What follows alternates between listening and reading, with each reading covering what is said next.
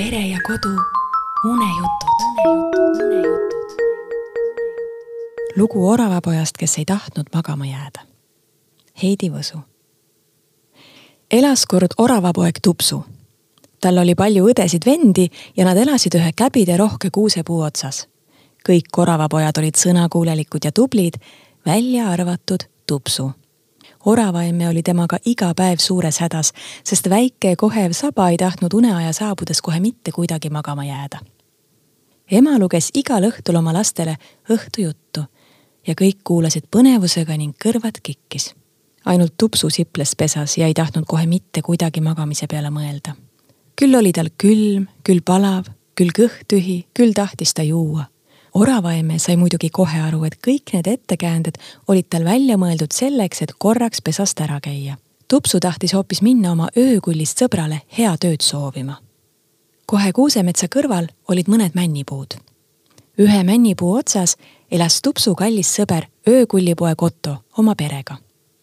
kuna päeval öökullid enamasti magavad, said sõbrad väga harva kokku seepärast ootas oravapoeg kannatlikult, kuni kõik õed ja vennad magama jäävad ning palus emmet. kallis emme, luba mul ainult korraks käbiviske kaugusel männipuu juures ära käia. ma tahan nii väga Ottot näha ja talle toredat ööd soovida. oravaemme sosistas tupsule kõrva. mine muidugi, su sõber juba ammu uhuutab ja kindlasti väga ootab sind. aga tee ruttu, sest kohe on pime ja ma ei taha sinu pärast jälle muretseda oravapoeg säras rõõmust ja sosistas emmele vastu. aitäh, kallis emme, ma teen imekähku ega jää lobisema, nagu viimane kord juhtus. hops-hops-hops oligi oravapoiss kärmete hüpetega Otto puu otsas. sõbrad tervitasid ja kallistasid ning öökullipoeg soovis Tupsule ilusaid unenägusid.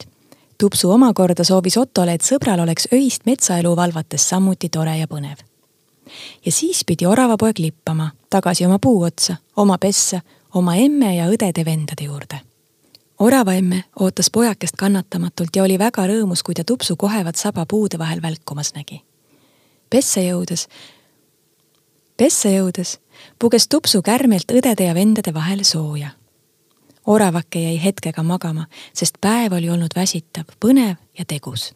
emme tegi kõikidele lapsukestele unemusi ning kattis nad koheva samblateki ja oma paidega väikesed oravakesed magasid juba kõik ammu magusasti ja nägid kindlasti und maitsvatest pähklitest.